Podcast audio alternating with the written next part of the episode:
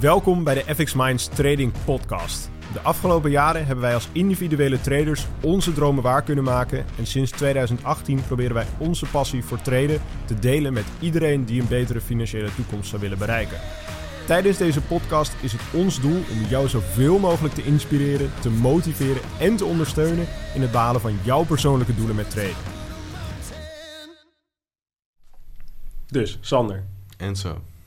Wist jij, of weet jij wat een van de grootste geldverdampers is die we in deze economie kennen? Ja. Naast belasting dan. Naast belasting ook. Belasting, dat is de, dat is, dat is de heftigste. We moeten ook eigenlijk ook gewoon stoppen met belasting betalen. hè. Ja. Zullen we dat gewoon doen? Dat we gewoon met z'n allen stoppen? Nee, oké, sorry. Ehm, ja, dat is inflatie natuurlijk. De, de onzicht, onzichtbare stildief. Ja, De boef. Geld, geldverbrander. Ja, Stille, de economische stille, boef. stille geldverdamper noem ik Ja. mezelf ook altijd. Ja, gemaakt door bovenaf.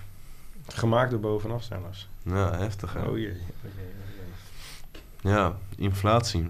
Vertel eens. Inflatie moet Wat ik even... jij, jij weet heel veel over inflatie. Ik weet wel veel over inflatie voor mijn gevoel. Ik Ehm, weet overal heel veel over. Ik ben best wel slim eigenlijk. Nee. Oké, sorry.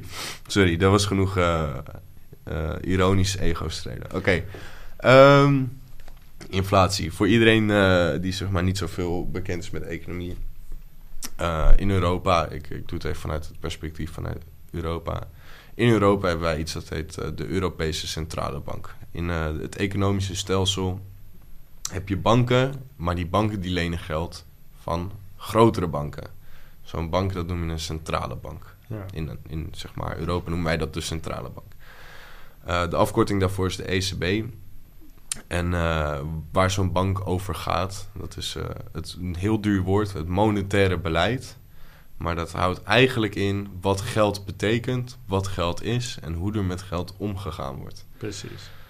Geld tegenwoordig, we noemen het geld, maar dat is eigenlijk een hele grote mindfuck. Want geld tegenwoordig is per definitie eigenlijk helemaal niet eens meer geld. Geld is valuta.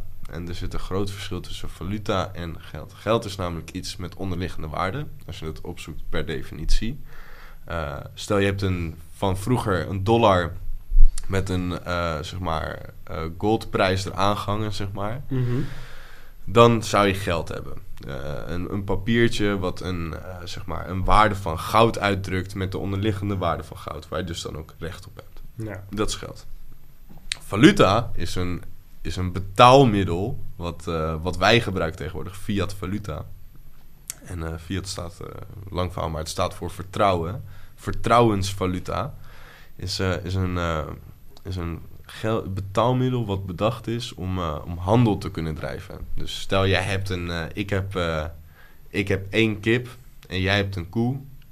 En wij willen ruilen, maar Ja, mijn koe is natuurlijk veel... jouw veel- koe is meer waard. Mijn kip legt wel veel eieren hoor trouwens. Dus even dat mij, ik vind het niet, maar jij niet. Oké. Ik hou niet van Dus jij zegt tegen mij, oké, ik, ik wil drie kippen. Maar ik zeg, ik heb maar één kip in de aanbieding, kan ik je niet iets anders aanbieden? En eh, jij zegt, oké, wat dan? Ik zeg, ik heb aardappelen voor je. Hij zegt, nee, die heb ik al. Ik zeg, oké. Jij zegt tegen mij, ik wil iets van jou, wat ik daarna ook weer kan verhandelen met iemand anders. Zodat ik, zodat ik zelf nog later mag kiezen wat ik, wat ik ervoor haal. Oké, dus ik zeg tegen jou, weet je wat? Ik, ehm, ik geef jou een kip en ik geef jou... eh, dit is heel grappig trouwens, want vroeger in Japan gebeurde dit ook echt. En ik geef jou schelpen. En Ja. ja, dit is serieus. Je had, eh, je had schelpen in Japan, dat was een betaalmiddel. En eh, ik zeg tegen jou, ik geef jou 50 schelpen erbij. En eh, hier in dit dorp hebben wij de afspraak dat je mag betalen met schelpen. En die schelpen die mag je dan later ook weer inwisselen met iemand anders. Dus Ja. ik geef jou die schelpen, maar jij mag later kiezen of jij met die schelpen naar de bakker toe gaat. En die bakker die, of of de slager, en die accepteren van jou die schelpen wat ik jou nu geef. Absurd eigenlijk, als we het erover hebben. Wat we hebben, is we hebben een, die schelpen hebben geen waarde. Zeg maar. die, die 50 schelpen zijn niet evenveel waard als de rest van die koe. Als we vergelijken. Want je hebt één kip en 50 schelpen. Nou, een kip is wat 10% waard van een koe als het een hele mooie kip is. Dus 90% van de waarde van die koe wordt Maar wat jij het waard vindt. wat je het mee eens. Eh, vraag en aanbod, hè? Oké. Laten we zeggen dat vij- 50% van die schelpen 90% van de waarde van die koe representeren. Dat betekent dus dat, sorry, maar ik kan niet voor zeg maar normaal de waarde van de schelp kan ik niet een 9% van een koe kopen. Dat zou absurd zijn. Want dan ga ik naar het strand en dan pak ik wat schelp op en dan kan ik eten voor een kwartaal of zo. Ja. Maar de reden waarom het werkt is omdat er vertrouwen is dat als jij die schelpen van mij aanneemt, dat die schelpen vervolgens van jou ook weer aan worden genomen door iemand anders, zodat Ja. jij er iets anders voor krijgt. Ja? Dus eh, valuta op basis van vertrouwen. Dat is, dat is het meest belangrijke aspect hiervan. Ja.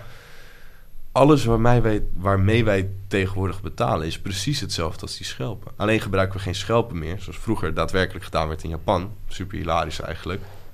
Maar we gebruiken papiergeld, wat niet zeg maar gevonden, alleen gemaakt kan worden en wat je ook niet zelf kan maken, zeg maar toch? Dus we zeggen, Ja. oké, we gebruiken dat, maar er is maar één iemand die dat mag maken. Er is maar Ja. één iemand die de schelpen mag plukken vanaf het strand en elke schelp krijgt een stempel.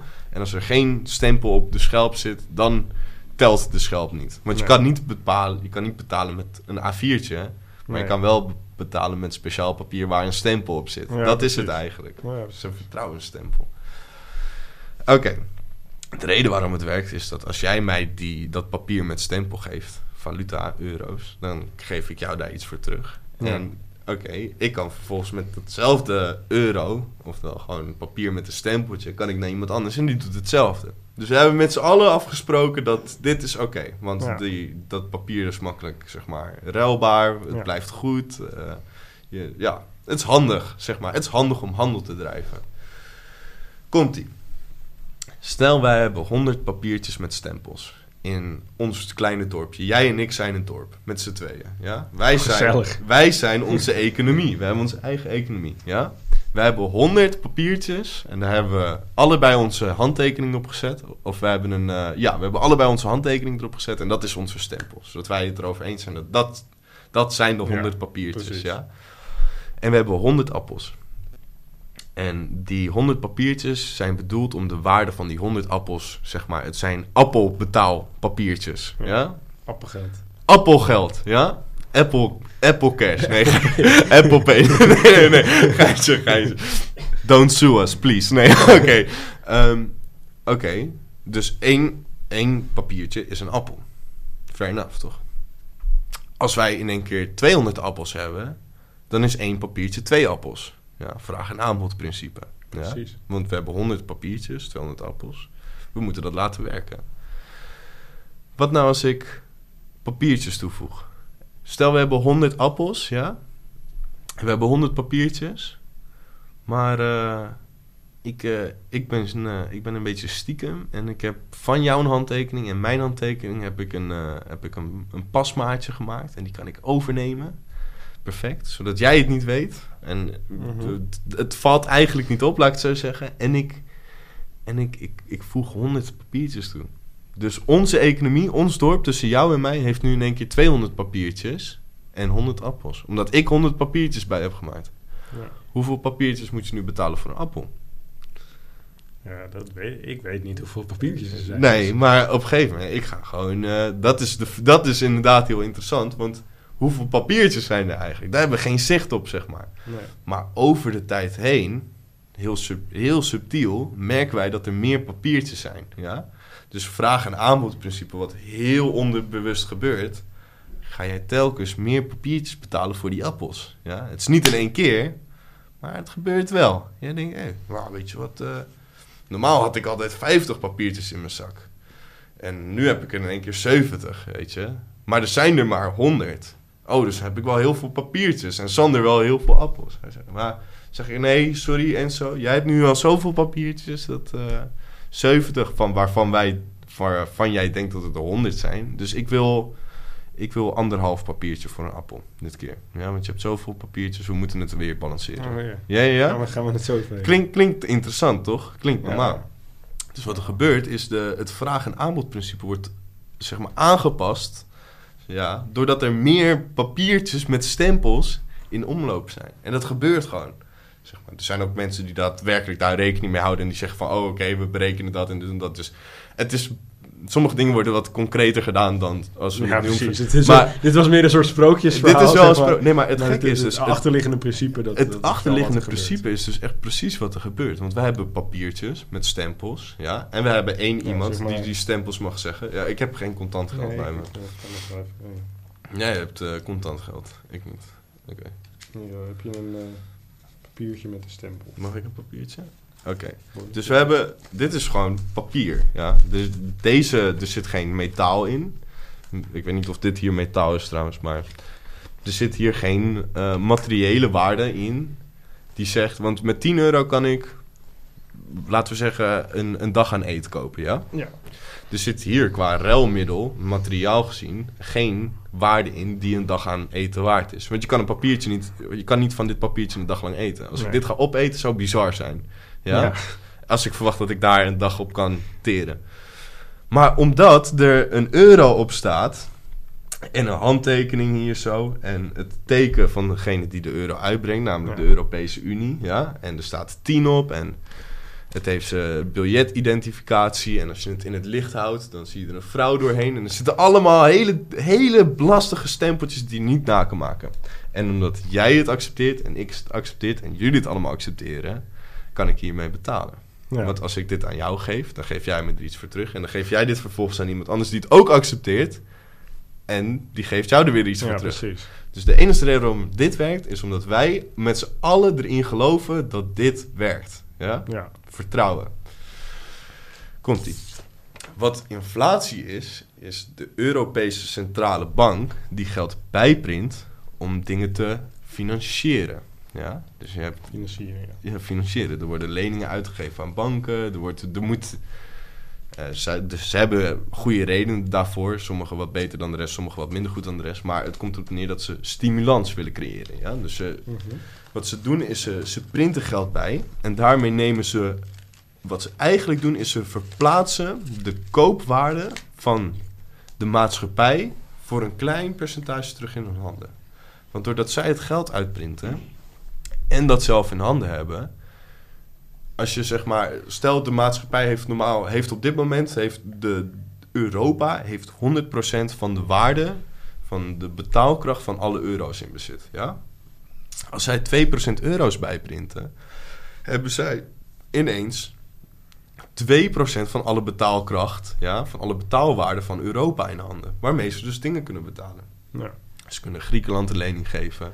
Alle corona-redpakketten, redketetpakketten, die worden daar ook van gemaakt. Ja, ja dat, dat komt niet uit de lucht vallen. Nee, dat komt uit de printer. Ja. Het leuke is, daar moet er vervolgens ook nog rente over betaald worden. Ja. Dus zij, zij pakken geld, ze printen erbij en ze geven het uit. Maar je moet er wel voor betalen om zeg maar, je geld terug te krijgen. Wat Nee, eigenlijk van jullie was, maar wij terug hebben genomen. Maar je moet ons ervoor betalen. Zodat Ja, wij dat geld weer kunnen gebruiken voor andere dingen. Ja.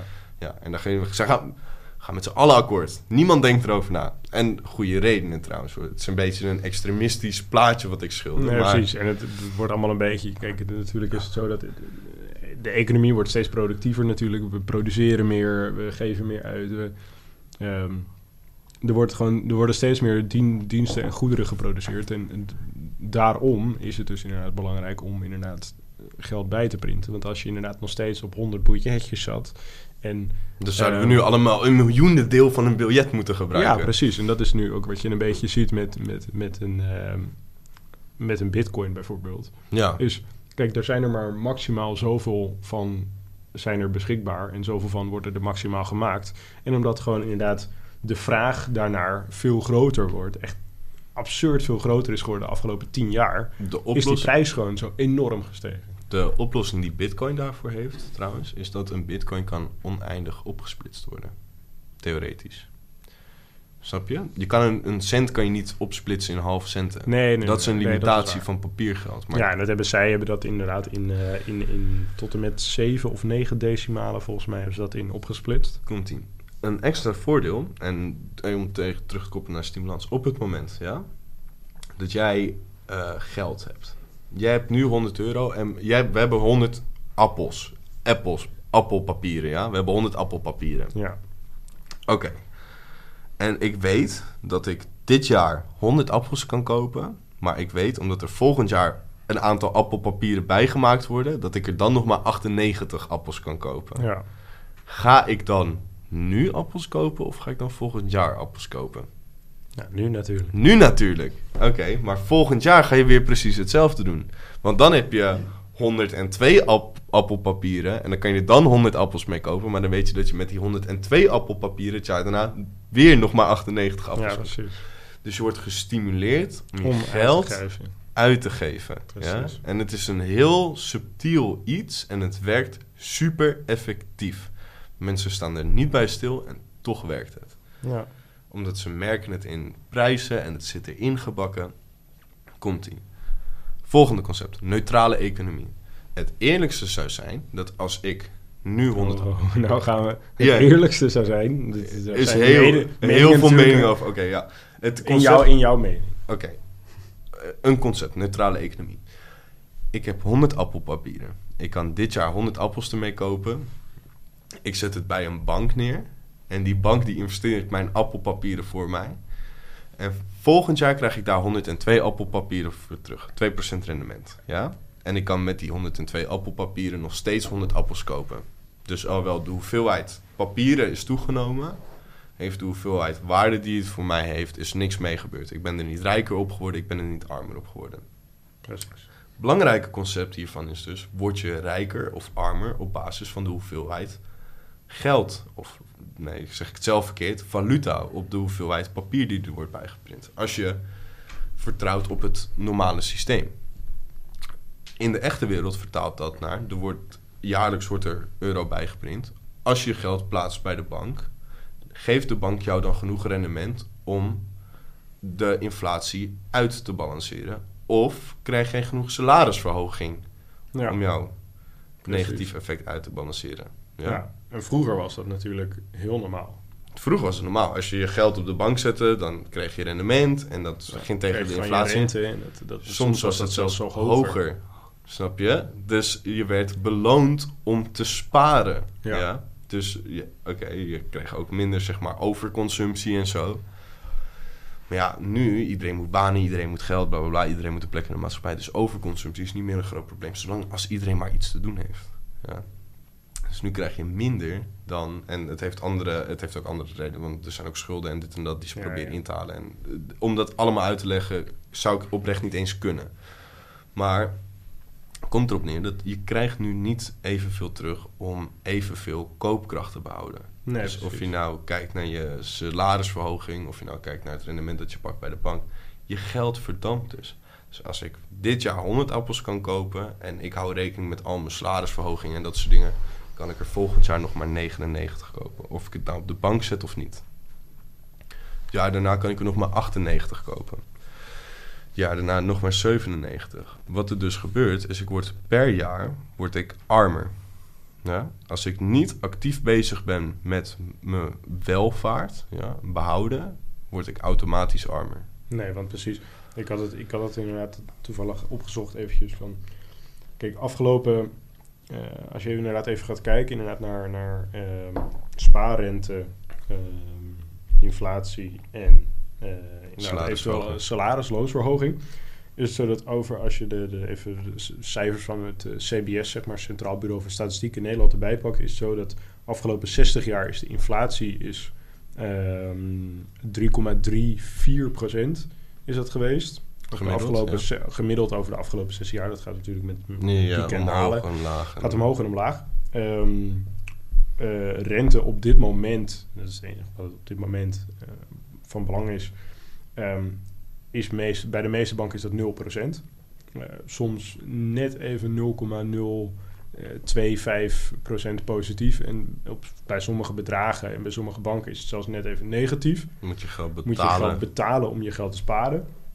Belachelijk. Ehm, en daarnaast ook is het zo dat inderdaad, als je gaat kijken ook naar, eh, dat stond volgens mij ook bij het, in het CBS, dus dat de gemiddelde ehm, verhoging, loonsverhoging in een CAO van de afgelopen, volgens mij was dat 40 jaar dat ze aan data hadden, eh, had ik het gemiddelde van genomen, is 2,29 procent. Dus in principe, als je dit- als je dit nu zeg maar naast elkaar zet, verlies je gemiddeld bijna 1,1 procent. En dat is alleen op inkomen. Dan heb je nog niet eens over het spaareffect ervan. Want, oké, ja, als je... Op het moment dat je wil sparen, dan moet het dezelfde waarde bouwen. Op het moment dat je het grootste Ja, deel dat van je je... willen natuurlijk. Ja, het, het grootste deel van wat je terugkrijgt aan inflatie is in de vorm van salaris. Dus dat krijg je volgend jaar pas.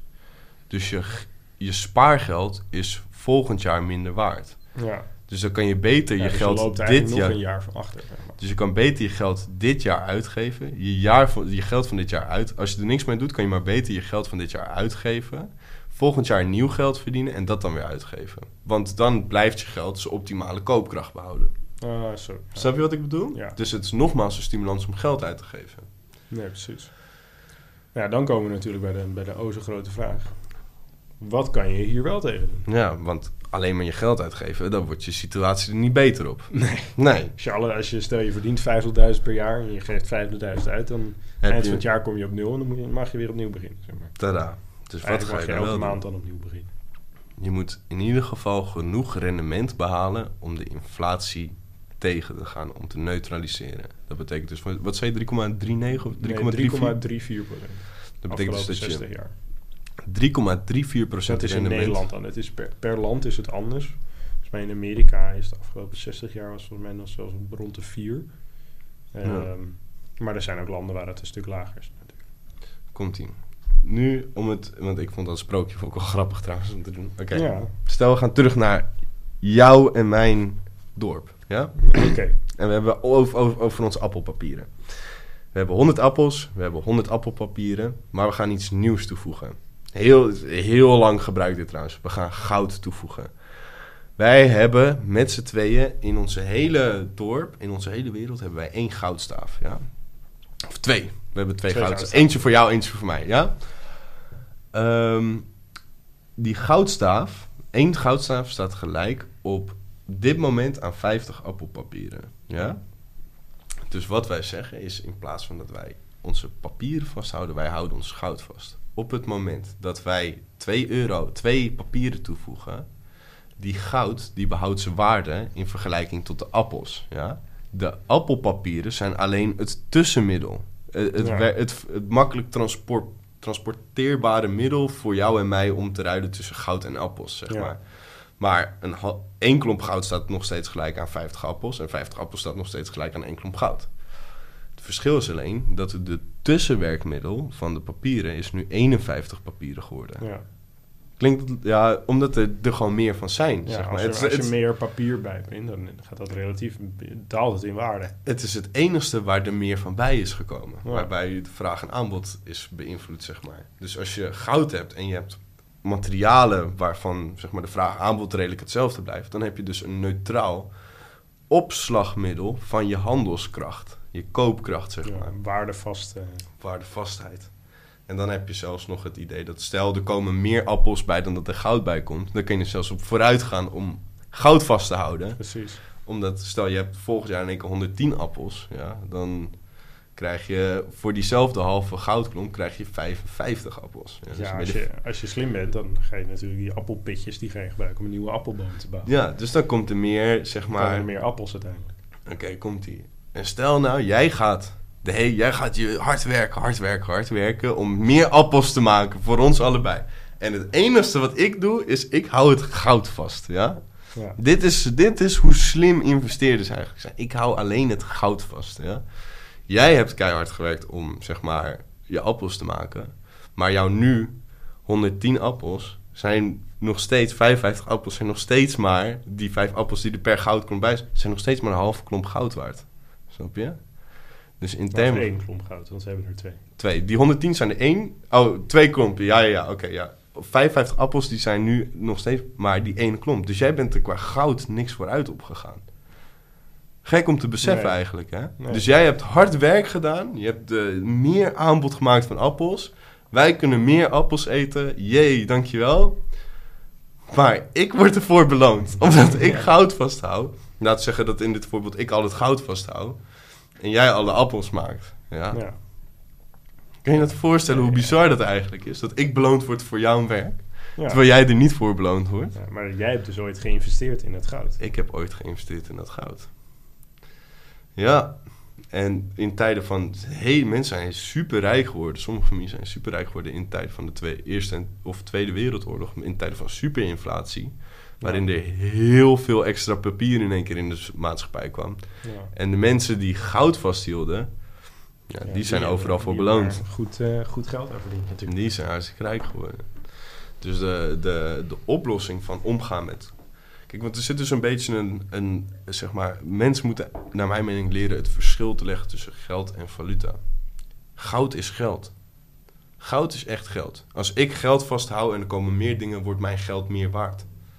Ik word beloond om mijn geld vast te houden. Dat is het. Ja. Aandelen is in een zekere zin is ook geld. Want op het moment dat er...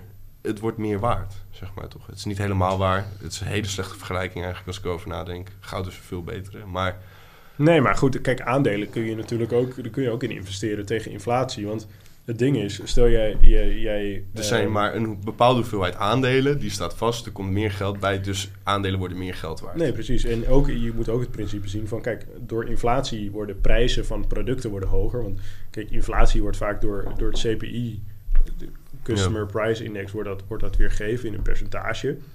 Ehm, en dat geeft gewoon aan dat gemiddeld de prijzen van bepaalde, van, van alle producten wereldwijd, dat die stijgen.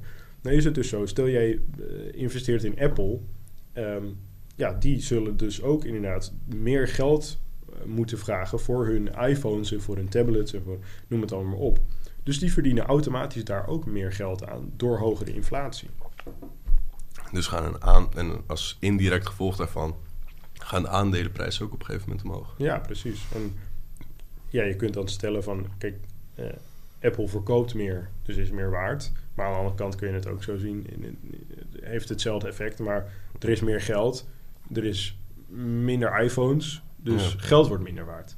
Ja. En ja, het is, het is een beetje, zeg maar... De, de Het is twee, twee kanten van hetzelfde muntje, ja, zeg maar. precies. ja.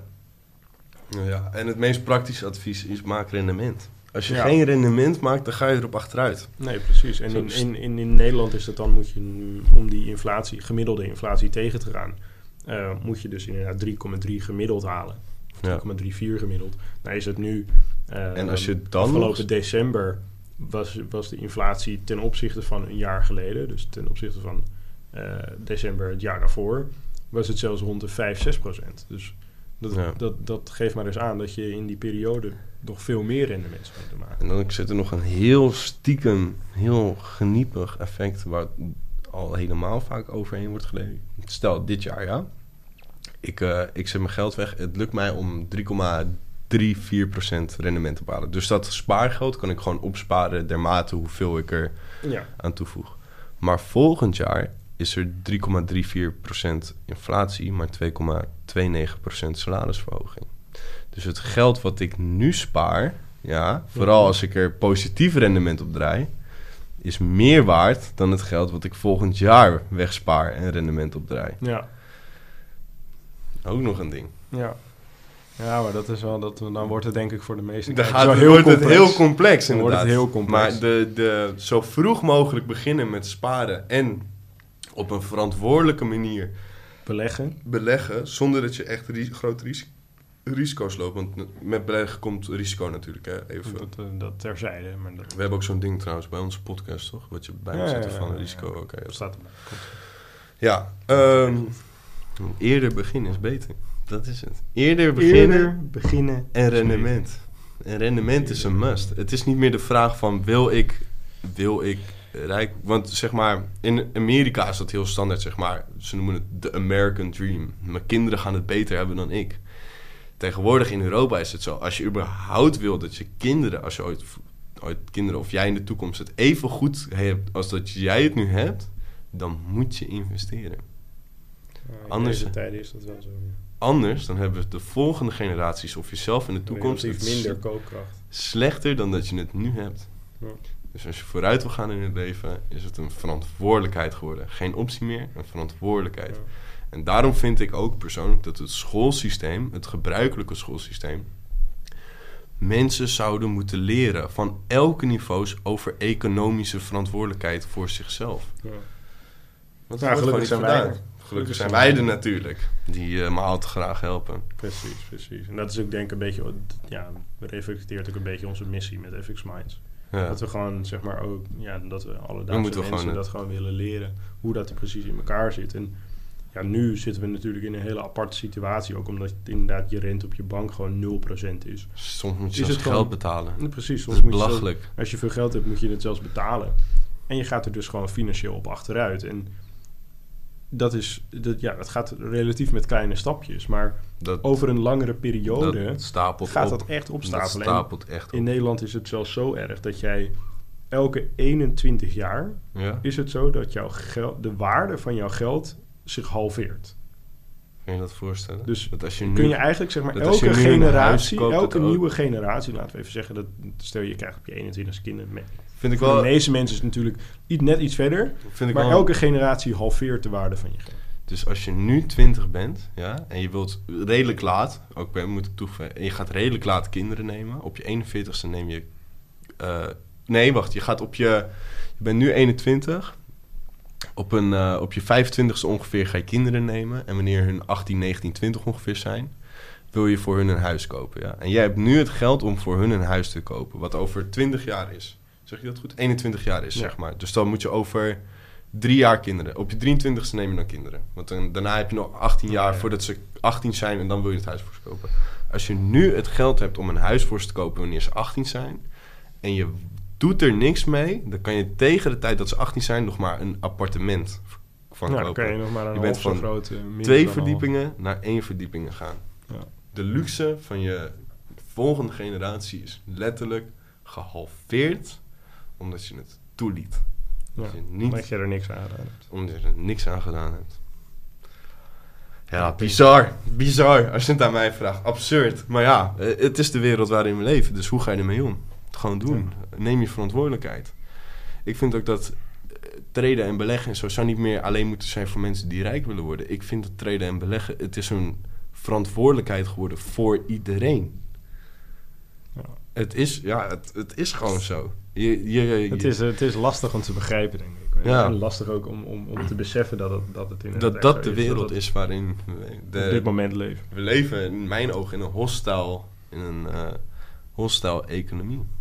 Zeg maar, waarin wij letterlijk de, de, het gejaagde zijn. Wij zijn de prooi van onze economie. Wij allemaal. en dan nog even de laatste tip van Flip. De laatste wat, tip van Flip. Wat, wat, is, uh, wat, wat, wat moeten we dus hier aan doen? Wat is de conclusie? Beleggen in uh, risicovrij, zo risicominimale producten. En dit kan in een hele hoop vormen. Ja, dus, en dat betekent niet dat je meteen een supertrader moet worden... of dat je 20% rendement moet nemen met hoge risico en zo. Maar beleg, verdiep je. Verdiep je gewoon in het, in het, in verbeteren van je persoonlijke financiële situatie. Of als je, het, naar mijn mening is het best om zelf te leren traden, om controle te hebben, optimaliseren, et cetera, et cetera. als je echt traden of beleggen, zeg maar. En anders zoek een financieel adviseur. Er zijn genoeg mensen, er zijn genoeg manieren om in ieder geval neutraal te komen staan. En dat is, naar mijn mening, je, je, het is gewoon een, een morele verplichting naar jezelf en naar je volgende generaties van je familie om neutraal te staan in waardevast in waardebehoud. Ja. Want anders je, je stilt gewoon geld van de toekomst. Je laat mensen je, je laat je geld van de toekomst laat je gewoon verdampen. Je laat het gewoon toe onder je neus. Ja. Nou, ik denk dat we er zo dan ook al zijn. Ja. Leuke podcast. Ik vond dat wel leuk met die appels en die dingen. Ja, jij ging wel lekker op je ik ging, ik ging heel lekker. Ik had echt een soort van mentaal beeld van een mini-dorpje. en zo, oh, leuk, gezellig. Apeldoorn. Ja. Niet toevallig Apeldoorn. Nou, dat, die hadden we erbij moeten doen. We hadden het Apeldoorn moeten noemen. Appeldoorn. Appeldoorn. Is, is, mijn, is jouw naam, achternaam Appel en dan ben ik meneer Boom, zeg maar. Uh, we staan Appelboom. Oké, laat maar. Ik, ik, ik, drijf af met alles. Oké. Okay. Mooi geweest. Gaan we nog het, uh, tot ziens of zo moeten we nog gedag zeggen? Nog eentje dan. Nog eentje dan, nog eentje dan. En dan gaan we naar huis. Nog één. Zit hier trouwens geen copyrights op? Want Bedankt voor het kijken of luisteren naar de FX Minds Trading Podcast. We hopen dat deze podcast jou heeft geïnspireerd, gemotiveerd en ondersteund bij het behalen van jouw persoonlijke doelen. Wil je meer te weten komen over trading en het handelen op de financiële markten? Abonneer je dan nu op ons YouTube-kanaal of volg de FX Minds Trading Podcast in jouw favoriete podcast-app. Om altijd op de hoogte te blijven van een nieuwe FX Minds podcasts. En zou je FX Minds graag willen helpen? Geef deze podcast dan een like of laat een review achter op Google of in jouw favoriete podcast-app. Zo zorgen we er samen voor dat meer mensen deze podcast ontdekken. En heb je interesse om Forex te leren traden? Neem dan een kijkje op fxminds.nl en meld je aan voor het lidmaatschap. Of download ons gratis e-book. En hopelijk zien we je weer bij de volgende Trading Podcast.